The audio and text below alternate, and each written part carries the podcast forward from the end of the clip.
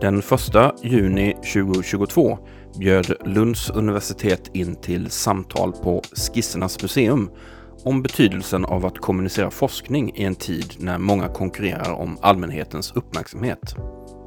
Tillsammans med moderatorn Lars Mogensen samtalade inbjudna gäster om forskningskommunikation, vägar in och ut ur akademin och kampen om kunskap. Del 2. Vägar in och ut ur akademin. Om att kommunicera och verka för forskning på olika plattformar. Välkomna tillbaka ni som följer oss via Sveriges Television eller på andra digitala sätt. Det här är Lunds universitet. Vi befinner oss i Skissernas museum. Hela eftermiddagen handlar om forskningskommunikation. Och en viktig aspekt på detta med forskningskommunikation är ju vilken riktning kommunikationen ska ha. Ska det vara envägs ut till det kunskapstörstande folket eller ska den vara som vi hörde många säga här tidigare eh, mer dialogform, mer, mer, mer samverkan? Hur åstadkommer man i så fall det där? Och vad finns det för olika kunskapsarenor ute i samhället som kanske inte direkt tillhör akademin men där det också finns kunskap och sker någon form av forskning? Och är vi säkra på att alltid är eh, universitetets forskare som står för de skarpaste analyserna eh, för forskningen? Det finns ju också det finns ju eh, bibliotekarier, författare, journalister och andra som gnetar och gnetar på ett närmast forskarmässigt sätt och som bidrar med, med, med, kunskap. Hur ska akademin förhålla sig till dem? Finns det vägar ut och in ur akademin? Hur ser den där bron ut och hur kan den bli bättre? Det diskuterar vi nu under rubriken Vägar in och ut ur akademin. Om att kommunicera och verka för forskning på olika plattformar. Då vill jag bjuda upp den välvalda, som Anna sa, panelen. Och då börjar vi med David Larsson Heidenblad som är docent i historia här i Lund. Med David är det så att han eh, satt visserligen på avbytarbänken men han var beredd. Han ersätter Magnus Bremmer, doktor i litteraturhistoria som driver Bildningspodden men som tyvärr i sista sekund fick, fick förhinder. Eh, men med David är det så väl skickat att han också jobbar en del och hörs i Bildningspodden. Eh, och, eh, ja, vi ska ta det sen. Ehm, eh, Jenny-Maria Nilsson Journalist, kulturjournalist, författare, skriver bland annat i Aftonbladet, eh, skriver väldigt mycket om skola och skolforskning, eh, mycket flitig twittrare, prisbelönt för sin essäsamling om filosofen Albert Camus. Eh, sen vill jag få upp Mats Alvesson, professor och organisationsforskare här i Lund. Eh, också gästprofessor på diverse andra ställen. Författare till bland annat Return to Meaning, A Social Science with Something to Say som du skrev tillsammans med Roland Paulsen och Janis Gabriel. Va? Ehm, Julia Ravanis är doktorand i teknikhistoria vid Chalmers, författare till den personliga essäboken Skönheten i kaos. Ehm, det handlar om, om den skrämmande osäkerheten i kvantfysiken, om mening och svårigheten även i att förstå andra människor. Ehm, Julia är också redaktionsmedlem i tidningen Glänta. Vem har jag glömt nu då? Jag har glömt Johan, Johan Östling. Varsågod Johan. Johan är docent och historiker här i Lund, skriver ofta understreckare i Svenska Dagbladet och kom nu, nyligen ut med den här fina boken. Alldeles, var det, igår ni presenterade nästan va? Um, humanister i offentligheten, kunskapens aktörer och arenor under efterkrigstiden.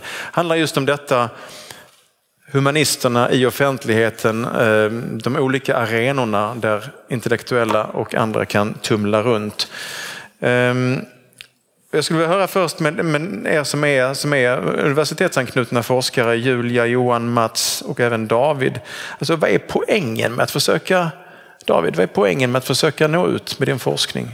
Du som skriver om miljörörelsens historia och sådana saker. Ja, precis. Jag är samtidshistoriker. Jag forskar om saker som hänt de senaste 50 åren kan man säga. Och när jag, ja, för tre år sedan startade jag en blogg eh, som väl var kanske början på min liksom, mer kommunikativa del av min forskningsfas.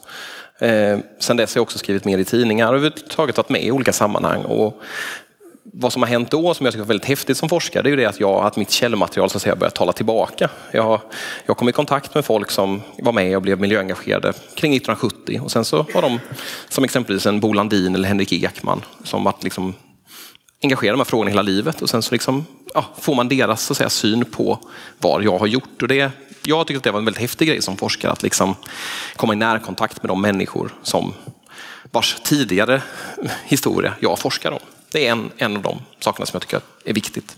Det påverkar din, din forskning också på sikt? Ja, alltså det kan vara att folk liksom kommer, men det här har jag i min källare. Eller visste du att de här två var ihop med varandra? Alltså, det är väldigt många sådana saker som man inte ser om du bara läser text. Liksom. Men, men som blir väldigt tydligt när man interagerar med människor. Och man får också, jag upplever också att det liksom ger ett meningstillskott till min forskning att veta att folk läser med intresse det jag skriver för att det är saker som berör dem på riktigt. Liksom. Så det är, mm, som samtidshistoriker skulle jag säga att det är ovärderligt att liksom vara upptäckbar. Mm. Och Johan Östling då, eh, du har då tillsammans med kollegor just gett ut den här boken som jag nämnde, men du skriver också understreckare i Svenska Dagbladet och inblandad i diverse andra liksom, utåtriktade projekt. Vad, är, vad är värdet i det för dig som historiker? Ja, personligen så gör ju det mitt eh, värv mer meningsfullt skulle jag säga för min egen del. Att jag kan just agera eh, i en annan roll och nå andra publiker, andra grupper och inte bara det väldigt smala eh, fältet eller de experter som jag, som jag Eh, har i, min, i mitt dagliga liv. Eh, en slags interaktion. Men det finns ju också en slags pedagogisk uppgift. Jag måste eh, fundera på vad är det viktigaste budskapet här och hur ska jag kunna presentera det så att det har någon slags relevans utanför min sfär. Så det är lite själv... Ja, det uppfordrar mig att, att vara tydlig och att tala till större publiker skulle jag säga, vilket jag tycker personligen är en nyttig uppgift. Mm, mm. Och Julia Ravanisto som teknikhistoriker men också fysiker. Den här boken Skönheten i kaos är ju en ganska personlig bok, essayistisk, eh, där du drar in dig själv och dina egna bevekelsegrunder och, och, och minnen mitt i liksom kvantfysiken och sådär. Ehm, varför en sån bok? Ja, det, det kortaste första svaret är väl för att jag tyckte att det var väldigt roligt att skriva. För att jag kände att jag personligen behövde skriva en sån bok. Um, för att uh, liksom närma mig fysiken på mitt eget sätt på, på något sätt. För att jag forskar inte i fysik. Utan jag har pluggat fysik. Jag har studerat i fem år. Ehm, och sen lämnade jag fysiken och då kände jag för egen del att jag ville behålla fysiken och fortsätta engagera mig eller liksom eh, eh, ha kvar, behålla fysiken för mig själv. Men jag kände samtidigt att jag inte klarade av att göra det som doktorand i fysik. Så för mig var det liksom ett personligt behov att skriva den boken. Men sen tror jag att jag känner att det är väldigt meningsfullt med den typen av skrivande överhuvudtaget. För att eh, man får det här mötet med läsarna, man, får liksom, man kommer in i sammanhang som kan vara väldigt givande, där man får stå och prata om de här sakerna på ett helt annat sätt än man kan göra inom, inom akademisk grupp. Och den, alltså, de samtalen är för mig otroligt givande. Eh, och det tror jag de är även alltså, om man lyssnar på dem. Eh, för att jag tror att det finns många människor som liksom har en vilja eller så av att tillgodogöra sig till exempel fysik. Men att man känner att det ämnet är så omgärdat av, eh, det anses vara så otroligt svårt och kanske ganska tråkigt. och någonting som jag tror att många kanske är rädda för att närma sig ämnen som teoretisk fysik. Det nämndes ju i förra samtalet att det kan vara bra som forskare att försöka förklara tydligt vad det är man tänker ta sig för i sin forskning. Vad det är man jobbar med. Och kan man inte förklara det något sådant tydligt så kanske man ska göra något annat eller tänka om lite grann. Men du ger dig på liksom kvantfysiken och lyckas, lyckas om inte förklara den så i alla fall eh, känslomässigt dra med lyssnarna, tittarna, ja, läsarna. men jag tror att där, alltså, jag har funderat på det här och jag tror att det är eh, tacksamt att skriva om fysik. Ehm, dels för att jag själv inte forskar i fysik. Jag tror att det hade varit svårare för mig och jag känner att det är svårare för mig att skriva om min avhandling som handlar om programmeringens historia i Sverige, som är liksom en teknikhistorisk avhandling. Det hade varit svårare för att där är jag ju dagligen med i ett akademiskt sammanhang där man pratar om att man får inte förenkla för mycket och man får inte vara svepande, allt för svepande för att då tappar man, liksom, då blir förklaringen inte, inte bra nog. Eh, och då tror jag att det har varit en stor fördel att jag inte är i ett sånt fysiksammanhang. Okay. Gör det lättare att skriva om det. Mm. Mats Alvesson då, eh, du skriver också böcker och riktar dig ibland till, till utanför den egna trängre akademiska kretsen. Varför? Eh, som samhällsvetare tycker jag att det, själva poängen är att bli läst. Det är på så sätt man, man eh, gör någonting som är rimligt och gott och gör sig förtjänt av att skattebetalarnas surt eh, fördelade pengarna till universitet och, och högskola. Så den, den nytta man gör, det man skriver en text som har då empiri, idéer och ger ett, ett kunskapsbidrag. Och den får ju den goda effekten genom att man läser det här. Till skillnad från fysik som är liksom mycket mer specialiserat och svåråtkomligt. Så samhällsvetenskap behöver inte vara så där oerhört komplicerat nödvändigtvis. Utan man kan, kan nog skriva där på ett sådant sätt som gör att en rimligt bildad allmänhet normalt kan ta till sig det hela. Så det är en mängd sådana konventioner som gör att man ska krångla till det för att det ska framstå som väldigt imponerande och anpassa sig till olika formler som gäller för vetenskapliga journaler och liknande. Man ibland har relativt lite att säga, men man ska säga det här på ett krångligt sätt som gör att man bidrar då till eh, en viss typ av jargong och en viss typ av eh, ja, stamgemenskap inom akademin. Men, men huvudpoängen tycker jag att man ska kunna skriva på ett sådant sätt som gör att det här läses av någon. Mm. Ger det dig någonting tillbaks då? Förutom att det är roligt att retas lite grann och tala om nonsensforskning och sådär. ja, nej, men det här kan tilltala en sinne för ironi också i vissa lägen. Men, men um, det här är ju det som gör att det är en ensam värld att vara forskare ofta. Man skriver en massa böcker själv och då ska det helst finnas någon out there så, som till och från då bekräftar att det här är liksom meningsfullt, relevant och viktigt. Så det är det som gör livslusten tycker jag för, för samhällsvetenskap i alla fall. Mm. Okej, nu har vi lyssnat på, på, på, på fyra akademiker här, eh, skarpa forskare. Jenny-Maria, du är ju en katt. Ja, bland... precis vad jag tänkte säga. Och jag insåg det först nu, att det är någon sorts setup eh, här. Alltså. Men ja. Du är ju eh, du är journalist eh, men jobbar väldigt envist och biter dig fast i vissa frågor. Du har skrivit mycket om Camus och sådär men nu tänker jag framförallt på skolfrågor, digitaliseringen av skolan och sådana där saker. Hur ser du på det själv? Vad är skillnaden mellan dig och en akademisk forskare tror du? Um, ja, både stor och liten skillnad. För att på ett sätt så går man ju tillväga på samma vis. Ifall, I alla fall gör jag det, att jag måste liksom ha koll på mina egna källor. Jag måste leta upp det material som jag kan använda.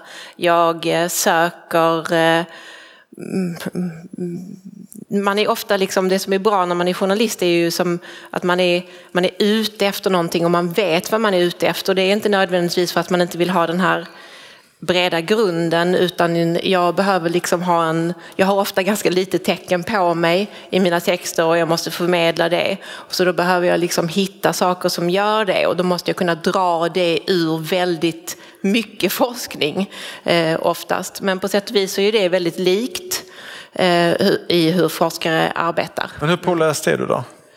Ehm, eh, jag tror att jag är förmodligen den person som begär upp flest böcker från magasinen från Unibibblan i Lund. I alla fall så var det någon som sa det en gång till mig, en bibliotekarie. Ja, ja. Eh, men man måste ju, jag, jag betraktar det som att jag egentligen måste vara mer påläst än en forskare om jag ska kunna skriva om en viss typ av forskning. För att annars så blir det Ehm, om jag bara känner till en, till exempel en forskare eller en bok, en liten bit av det, då kan jag egentligen inte riktigt skriva om det. Så, så att jag behöver ju ha en väldigt eh, bred bas, jag behöver ta reda på saker. Jag behöver också följa mina ämnen. Jag behöver följa den internationella debatten, jag behöver följa debatten i Sverige. Eh, jag behöver eh, veta vad, vad det talas om och jag behöver ha koll på den historiska forskningen i ämnet också. Ni, ni, ja, eh, vad har du för, för timpeng? Va? Din timpeng? Ja, den är ska... Eh, den lägsta i Sverige, Nej, men den blir ju väldigt låg. Ja, man ska eh. läsa alla dessa doktorsavhandlingar så, så mm. ja. Men det ger dig ju en tyngd, en kunskapsmässig tyngd. Hur resonerar ni andra, eller hur ser ni andra som finns inom akademin på de här löshästarna eller liksom Eh, författarna, journalisterna? Mats? Jag kan ibland tycka att grävande journalister gör ett betydligt bättre jobb än akademiker. Eh, mer noggrant och, och eh, inte så bekvämt eller så försiktigt utan de tar reda på saker och ting ibland. Som, som forskare som är lite mer hämmade och det ska vara etiska regler och en massa annat sådär som gör att man inte kommer någon vart riktigt. Eh, och, och forskningskonventioner som ställer till det också. Så en del eh, seriösa journalister tycker jag gör ett bättre kunskaps jobb. En av de bästa böcker som jag läst inom mitt eget område, företagsekonomi vid, vid mening, det är Naomi Kleins bok No Logo. Som jag tyckte var oerhört liksom, genomarbetad, välbeforskad, insiktsfull och en lysande text. Mm. Ja, nej, jag vill ju gärna uppgradera och inte tala om löshästar utan då en form av offentliga kunskapsaktörer snarare. Ett begrepp som har funnits här tidigare och som vi också nämner, eller använder i den här boken.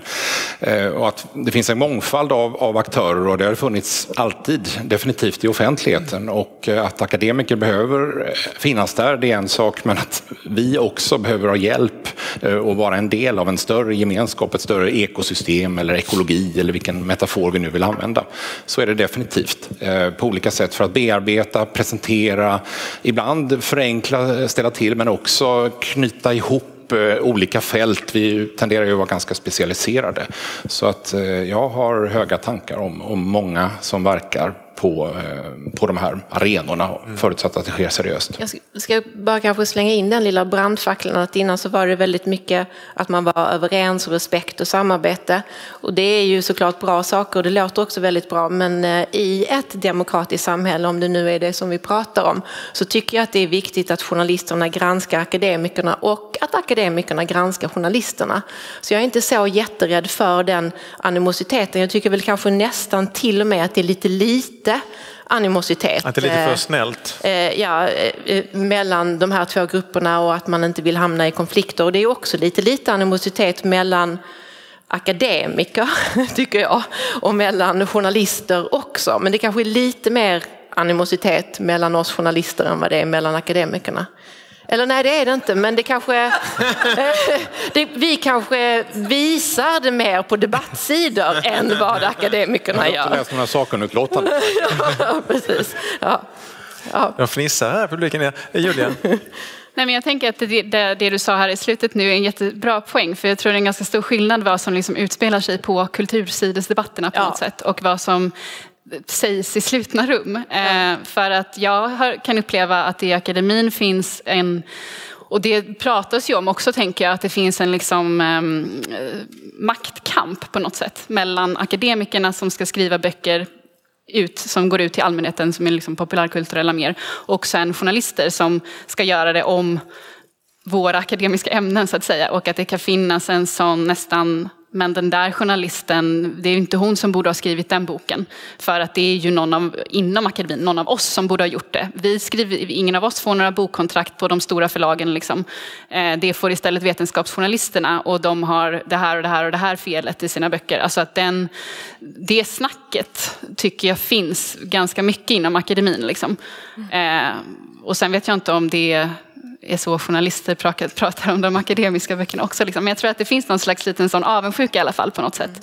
För att det är klart att det är, liksom, är du professor till exempel och har en, så har du en ganska hög lön och du har liksom eh, jättemycket tid till ditt förfogande så att säga och jämför det med ett frilansskribentliv. Där har du ganska mycket ojämn, liksom så. det är inte så lätt att vara frilans. Men samtidigt så får man ju väldigt mycket uppmärksamhet typ, alltså att man får en helt annan bekräftelse, eller vad man ska säga, som journalist, att det är väldigt kreddigt att vara med på kultursidorna så, mm. och skriva för stora förlag. Ehm, men detta att, att kunna uppfylla den tredje uppgiften och skriva understreckare eller delta i seminarier, hålla föredrag och sådär. Eh, de flesta forskare tycker ju att de hinner inte det. Eh, det gjordes en undersökning av Vetenskapsrådet, tror jag det var. Eh, det är väldigt tydligt att Ehm, jag vill men hinner inte heter, heter, heter undersökningen och precis så är det. Man har ingen tid, man har inga pengar. Ska man skriva eh, så får man göra det på kvällar och nätter. Hur, hur hanterar du det där med David med, med, med tredje uppgiften? Du, du, du, bloggar ju varje vecka och har gjort det länge. Men ja, i tre år har jag gjort det och det jag har lärt mig av det är ju mycket att alltså, när du skriver regelbundet och publicerar, även om läsekretsen är ganska liten så får du upp liksom ett tempo Eh, jag vet att Johan, som jag jobbar nära, han var orolig för David. Jag skulle blogga om att jag skulle skriva en sån här bok som jag ville nå ut med. Liksom. Och han tänkte, ja det är ju kul att du gör det, men det kommer inte bli någon bok. Eh, stäng ner Twitterkontot liksom. Men alltså den, den, eh, och det, vi har ju många exempel på forskare i akademin som kanske har liksom, där det blir att, det är, att uppmärksamhetsekonomins logik tar över, så att den kunskapsproducerande delen. Liksom. Men jag ville testa att kombinera dem och jag liksom fostrade i, och här tror jag liksom de lokala kulturer är väldigt viktiga. Liksom. Jag är, vid historisk institution i Lund har det funnits en, liksom, så länge jag var student och långt tidigare så har det funnits liksom ett ideal om att liksom, den goda monografin, den blir omskriven på kultursidorna och den blir liksom uppskattad inom Alltså den är en crossover. Liksom. Så sen, för, för dig är det positivt att ägna dig åt tredje uppgiften? Och ja, ja absolut, absolut. En del av liksom vad jag skulle kalla, då, om vi återknyter till Jespers, det här med kunskapscirkulation. Alltså jag upplever att liksom en, det är ett cirkulationsarbete. Att skriver jag en bok och sen tror att den bara ska leva av sig självt, då är jag väldigt, väldigt naiv. Liksom. Men däremot, du får, du får ju liksom skriva kortare texter som drar in det, som gör dig upptäckbar, som får folk att läsa böcker etc. Eh, och det kan, man ju, det kan man ju strunta i, men, det gör, men om man inte har ett stort förlag i ryggen eller ett jättefint namn, då är det kört. Liksom. Du har här... två namn, både Larsson och... Exakt. det, det, skulle jag inte haft. I, när jag gifte mig så var jag så förtjust i det här Lars, så jag behöll det. Det kan man ju tycka vad man vill om senare, men, men då kändes det viktigt. Johan, innan du skrev den här Humanister i offentligheten mm. så skrev du ett kapitel i den här essän som Anna ju också talade om, som ni gjorde Ehm, samlingen Kampen om kunskap. Där du är ganska bekymrad över de intellektuellas roll i samtiden och du tar upp just detta med med tredje uppgiften. Du skriver att den, den forskare som i ett tidigt skede av karriären helhjärtat satsar på kunskapsförmedling för allmänheten löper risk att gå miste om både anställningstrygghet och åtråvärda anslag. Att det är snarast kontraproduktivt att ge sig ut och försöka skriva en bok eller vara med i radio och tv. Jag kanske är lite mer positiv nu faktiskt än jag var när det här för, för några år sedan. Men visst finns det en sån fara när vi sitter och jag, i ökande grad sitter jag och bedömer andra yngre forskares eh, ansökningar i olika typer av forskningsråd och sådär. Det, det är en restpost ändå i bedömningar, eh, det som kallas den tredje uppgiften eller samverkan. Vi går på internationella meriter, eh, publikationer, olika typer av den typen av, av hårdvaluta, akademisk hårdvaluta när det gäller tillsättning av tjänster, attraktiva post postdoktorala positioner och så vidare. Sen så när man ser det större systemet, lite som David är inne på, så tror jag inte nödvändigtvis att det är en nackdel att man då verkar i en svensk offentlighet, att skapa sig ett namn på det sättet och att det också känns meningsfullt. Att det kan i det långa loppet vara en fördel, men det, det är en svår situation för en ung person som ska ge, ge sig ut i det akademiska livet. Eh, i viss mån måste man välja tror jag och eh, det kan straffa sig om man, om, om man inte är medveten om vilka spelregler som gäller och, och vad man riskerar att förlora.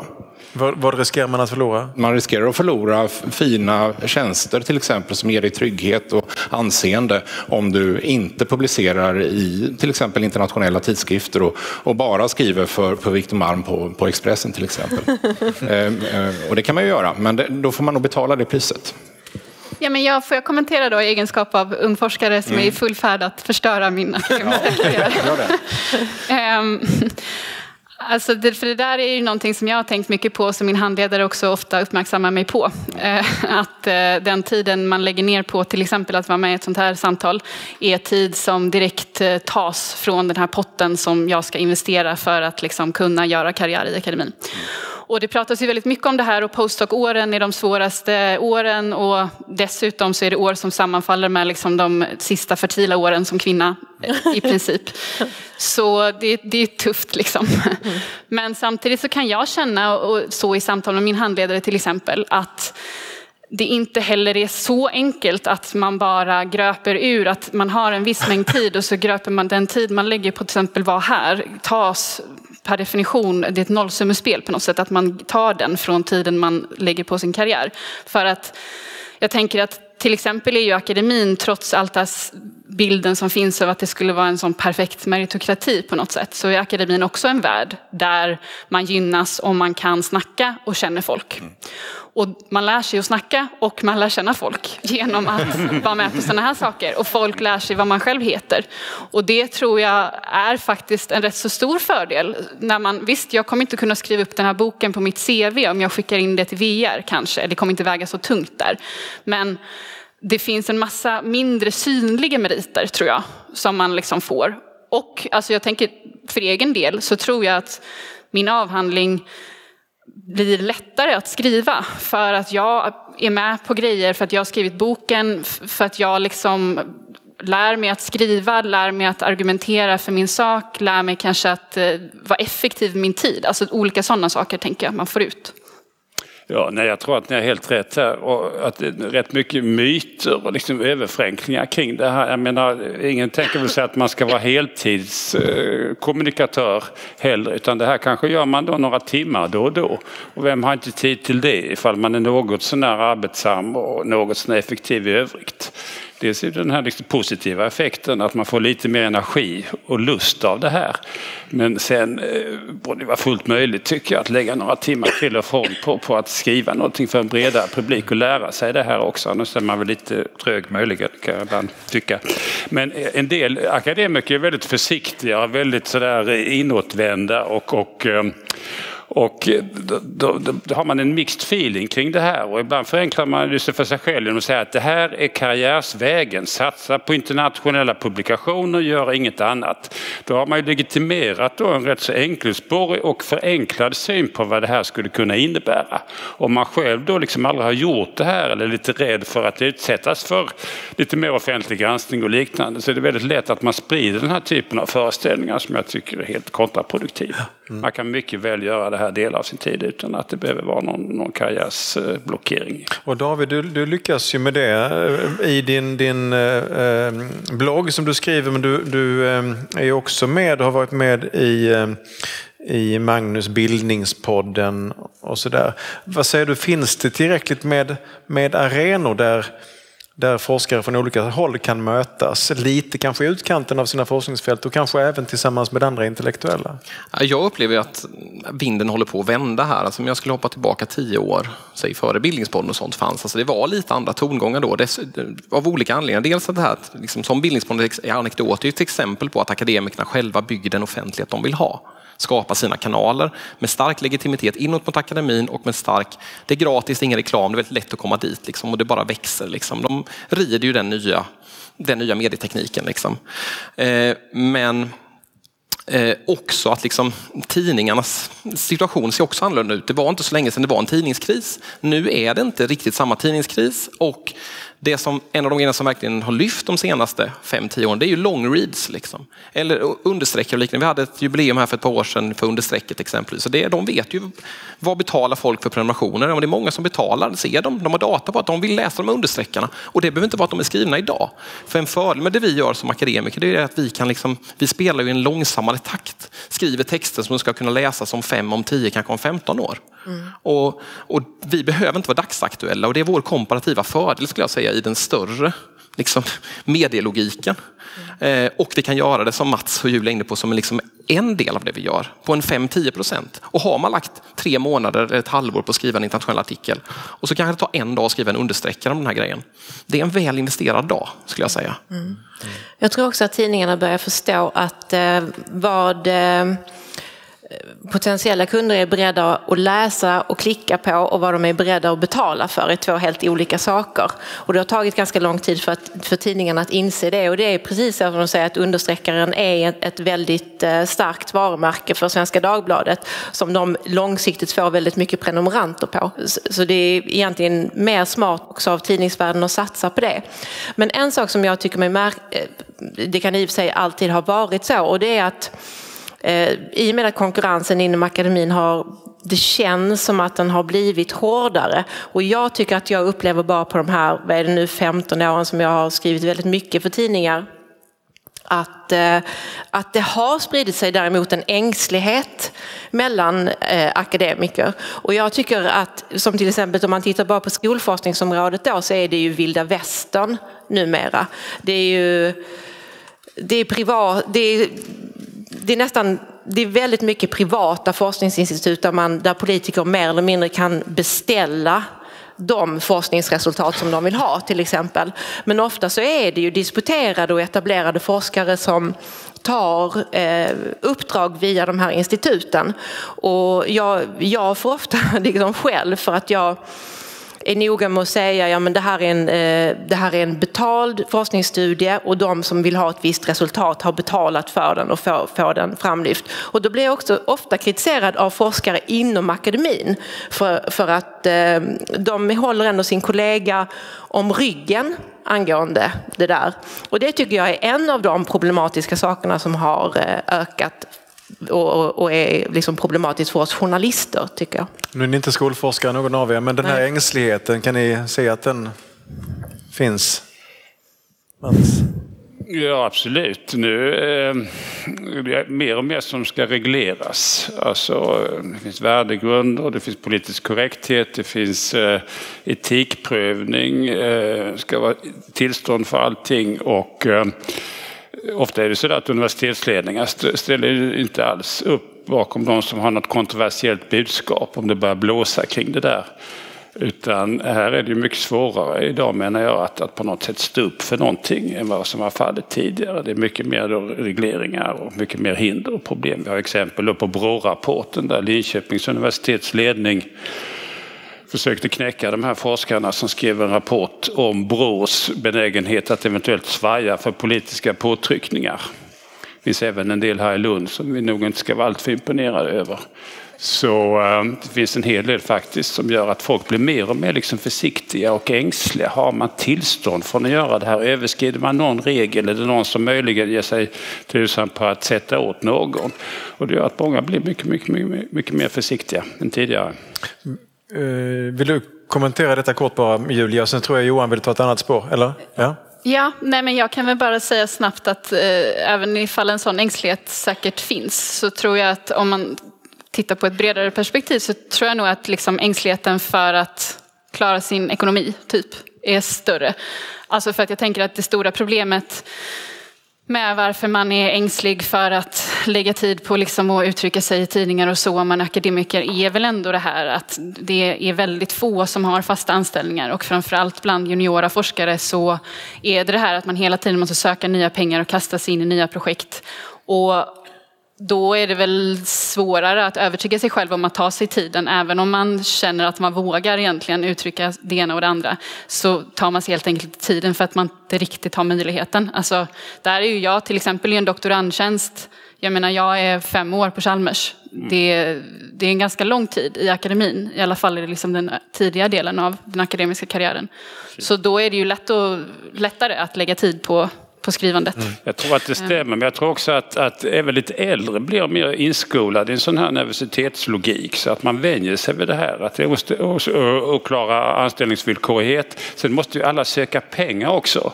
Tidigare så fanns det professurer som var tillsatta då som tjärs och då hade man en väldigt stabil position. Det där är ju nu mer i stort sett borta så alla är väldigt avhängiga av att söka forskningsanslag och det gör att de äldre krafterna som kanske verkligen kunde stunda upp för någonting de finns inte riktigt längre på samma sätt utan alla är väldigt angelägna om att ligga vara till väl till lags och söka de pengar som finns. Och då måste man vara väldigt trendkänslig och se till så att man inte råkar ut för, för sådana här konstigheter som att man blir misstänkliggjord eller något annat. Så väldigt mycket drar åt att universiteten blir mer och mer, tycker jag, då, ångestdrivna och osäkra. Mm. Johan? Ja, det är nog inte bara trendkänslighet som krävs utan jag, jag, vill ändå återkomma till detta att jag ser en viss målkonflikt här mellan att vara en internationellt orienterad toppforskare och att verka i den svenska offentligheten. Det finns eh, definitivt eh, eh, inslag av, av, målkonflikt här där du måste söka externa medel och då är det vissa typer av, av meriter som, som är mer betydelsefulla än andra. Eh, och den typen av, jag tror att vi måste erkänna att det finns den typen av konflikt och att man i viss mån måste välja väg här. Och du har då uppfattar jag det som ganska mycket valt den svenska vägen. Skriva på svenska, skriva understreckar och så vidare. Och i, i boken talar du mycket om de här olika kunskapsarenorna som har funnits och som finns i Sverige. Det är liksom Fråga Lund och det är radioprogram och, och så vidare. Vad ser du på för, för, för såna gemensamma arenor nu? Hur ser det ut framöver? Ja, men jag tror att vi har upplevt en, eh, en, eh, vi har upplevt en, naturligtvis en form av digital revolution de senaste 20 åren. Men det vi upplever nu tror, tycker jag, lite som David är inne på, att vi ser en, en mer mogen digital offentlighet som, som tar form. Eh, den här rädslan som fanns för fem år sedan att vi skulle få uppleva det tidningslösa samhället. Eh, att tidningarna verkligen blödde hårt, så är det inte nu. Däremot eh, med de här nya betalmodellerna som har satt sig så är det möjligt att vi upplever en slags vad ska vi kalla det, kunskapsmässigt klassamhälle. De som inte betalar för de här olika typer av digitala prenumerationstjänsterna de är hänvisade till andra typer av, av medier och där naturligtvis public service har en väldigt viktig uppgift. Eh, men jag skulle ändå säga att det har vuxit fram eh, ett antal nya eh, arenor i det här mer mogna digitala landskapet. Men samtidigt så upplever vi också, och det är det intressanta som jag tycker som historiker, att vi upplever också att gamla modeller från, från 1900-talet verkligen lever vidare. Du, du leder ju ett, om man så får säga, ganska klassiskt public service-program och har gjort det med, med, stor framgång som har till och med gjort det till hedersdoktor här. Eh, som, som bygger på en, på en väl beprövad modell som hade kunnat sändas på 1950-talet. Och det tycker Ibland jag är underbart. Så, ja. Ja, Och lätt av dig också. jag har varit med sedan 1950. Eh, eh, mm, men, men det här med kunskapsarenorna, jag vill bita, bita mig fast i det. Eh, vad ser du Jenny som, som, som, skriver utifrån? Du har ju då Aftonbladet som, som en, en sån arena men, mm. men hur pass Och Svenska Dagbladet då mm. tidigare som jag skrev länge och sen så har jag skrivit för HD Sydsvenskan väldigt länge ju så jag jag kan inte klaga eh, på det. Men eh, dels så tänkte jag bara säga det, återknyta till vad Mats sa, att jag tycker att du pratar om lite en annorlunda sak för att jag menar då att det finns forskare i offentligheten som inte misstänkliggörs nog. Alltså att jag tycker att man inte redovisar vem man har anställning för och vem man skriver rapporter för utan man, eh, ja håller det lite hemligt och det tycker jag det borde bli kutym att man är öppen med det. Eh, och eh, jag förstår inte riktigt varför det inte blir så. Och sen, vad sa du nu om de här arenorna? Jo, jag ville säga en sak. Jag tycker att vi ofta är ganska blinda för de här det är ganska stora rörelser såklart hela tiden som vi inte riktigt märker och där tycker jag, ja på ett sätt så finns det en mer mogenhet i den digitala världen på vissa platser och vissa arenor. Men det finns också till exempel det här kulturkriget som är ju ett rent eh, vansinne och där massa andra människor har kommit in som har helt egna agendor och som också ibland är bara till för att förvirra hela debatten eller deraila debatten eller förstöra debatten. Så samtidigt som de här arenorna har uppstått, alltså där det finns en mogen ja, men ändå en, givande så är det också liksom att allting egentligen har dragits in i ett kulturkrig där man måste välja sida lite för att höras och synas. Mm. Men om man, man, är lite högtravande och tänker på liksom demokratiuppdraget och vi har nämnt att universiteten och forskningen är en viktig ingrediens i en fungerande demokrati. Tycker du Mats, som, som är lite senior och lite, prof, inte lite professor, du är mycket professor. Eh, ser du något behov av att hitta, skapa fler sådana här arenor där forskare och andra intellektuella kan, kan, kan mötas? Eller är det fine som vi har det? Ja, jag vet inte, jag tycker man träffar rätt mycket folk, föreläsningar och, och, och sådär. Eh, jag vet inte, det här, alltså ett problem ibland är att man ska liksom fixa till väldigt mycket. Nu ska det vara forskningskommunikation och det måste vi hålla med om eftersom vi är på en fin konferens i denna fina lokal. Att det här är jätteviktigt och så ska det vara forskningskommunikationsexperter, det ska vara forskning i forskningskommunikation och eh, snart kanske det kommer en obligatorisk kurs här för alla doktorander eller docenter och sånt där i forskningskommunikation, 7,5 högskolepoäng och sånt där. Och det, det, tycker du att det är, det är göra grejer då. Va? Så att, att, att, att det är lätt ja, att man hittar på för mycket då mm. av, av olika typer av arrangemang, strukturer, policies, experter och vad det nu är för någonting. En gång i tiden så var det kanske rätt naturligt för forskare, i alla fall samhällsvetare, man skriver någonting för en större publik. Och det behöver man inte så mycket liksom, kringverk för det här. Nej, just det. Nej, ja. Mm. Julia? Jag hade jättegärna velat gå en kurs i forskningskommunikation. Okay. Nej, men jag tror samtidigt att du har rätt. Alltså så att, att det, jag tycker också att det borde vara någonting. Det är ju liksom det tredje uppgiften som det också pratades om i det förra samtalet. Att det är någonting som man borde göra som forskare. Men sen är väl bara frågan nu när inte, hur ska man få folk att göra det mer? Liksom. Men jag tänker också apropå plattformarna. Att det är lite skillnad tycker jag på plattformar där som finns till för humanistiska forskare och plattformar som finns för naturvetenskapliga eller tekniska forskare. För nu, alltså, nu är vi, det här är ju väldigt så humanistiskt gäng så att säga. Jag är väl den mesta naturvetaren, även om jag inte riktigt är det heller för att jag doktorerar ju i teknikhistoria. Men, och naturvetare syns ju i offentligheten ibland, men då är det ju väldigt mycket den här envägskommunikationen. Att naturvetaren vet någonting och så ska den berätta det här, ofta om klimatet kanske, en sån typisk fråga som, ja och så ska allmänheten bara ta till sig av den kunskapen. Så att det här är lite mera alltså, öppna samtalet, diskussionen om forskningen där forskarna på något sätt möter och också liksom att det blir en tvåvägskommunikation som ju är tanken med det här samtalet lite. Det finns ju, är väldigt centrerat till humaniora. Och det tänker jag också är på så här, jag är ju på Chalmers liksom och vi är en pytteliten humanistisk avdelning då bland alla ingenjörer. Och där så finns det ju inte riktigt några sådana plattformar. Alltså det finns inte riktigt några samtalsserier eller alltså det som finns i föreläsningar. Vi bjuder in berömda professorer och så pratar de, berättar de om sina ämnen. Men...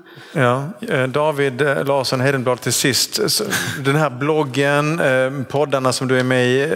Hur viktigt är det för dig att det finns sådana här arenor och att de blir fler där ni kan Ja, men som jag ser det så handlar det liksom om att, och det gäller även knutet an till Julia, så jag tänker att det här är saker man får bygga. Alltså det här är ett, det är ett, det är ett gyllene läge att bygga en, den offentlighet vi vill ha. Liksom. Och där där just de här skalfördelarna gör att man, ganska smala saker kan bli väldigt stora. Liksom. Men vi är i en situation, tror jag, där liksom, eh, nu har vi pratat ganska mycket om den här integrerande nationella offentligheten och ja, det är en del i kunskapsekologin, men det är också de här, liksom, så att säga, det finns bloggar och poddar i olika världar som är jättestora och det är för att de har byggt upp ett förtroende över liksom 5, 10, 15 år.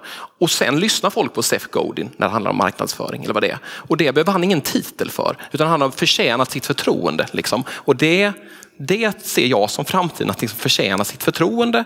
Och som individ, som kollektiv eh, och det är liksom som jag ser någon form av medicin mot ett kulturkrig också. För det är liksom, du kan kriga på men har du inte förtroende. Och det är liksom vår kunskapshistoriska insikt att kunskap blir kunskap genom att både att människor delar det men också att man har förtroende för kunskap. Och det får man inte idag genom en titel. Det är för många professorer. Det är väl hundra professorer i historia. Det fanns, två, eh, det fanns fem för 50 år sedan. Det räcker liksom inte med en titel. Det räcker om Alltså, visa ditt värde över tid consistently. Och det är det akademin det ser som vår roll. Liksom. Med denna framtidsspaning från en historiker, David, så tackar jag er allihop, Jenny Maria, Johan, Mats och Julia. Tack ska ni ha.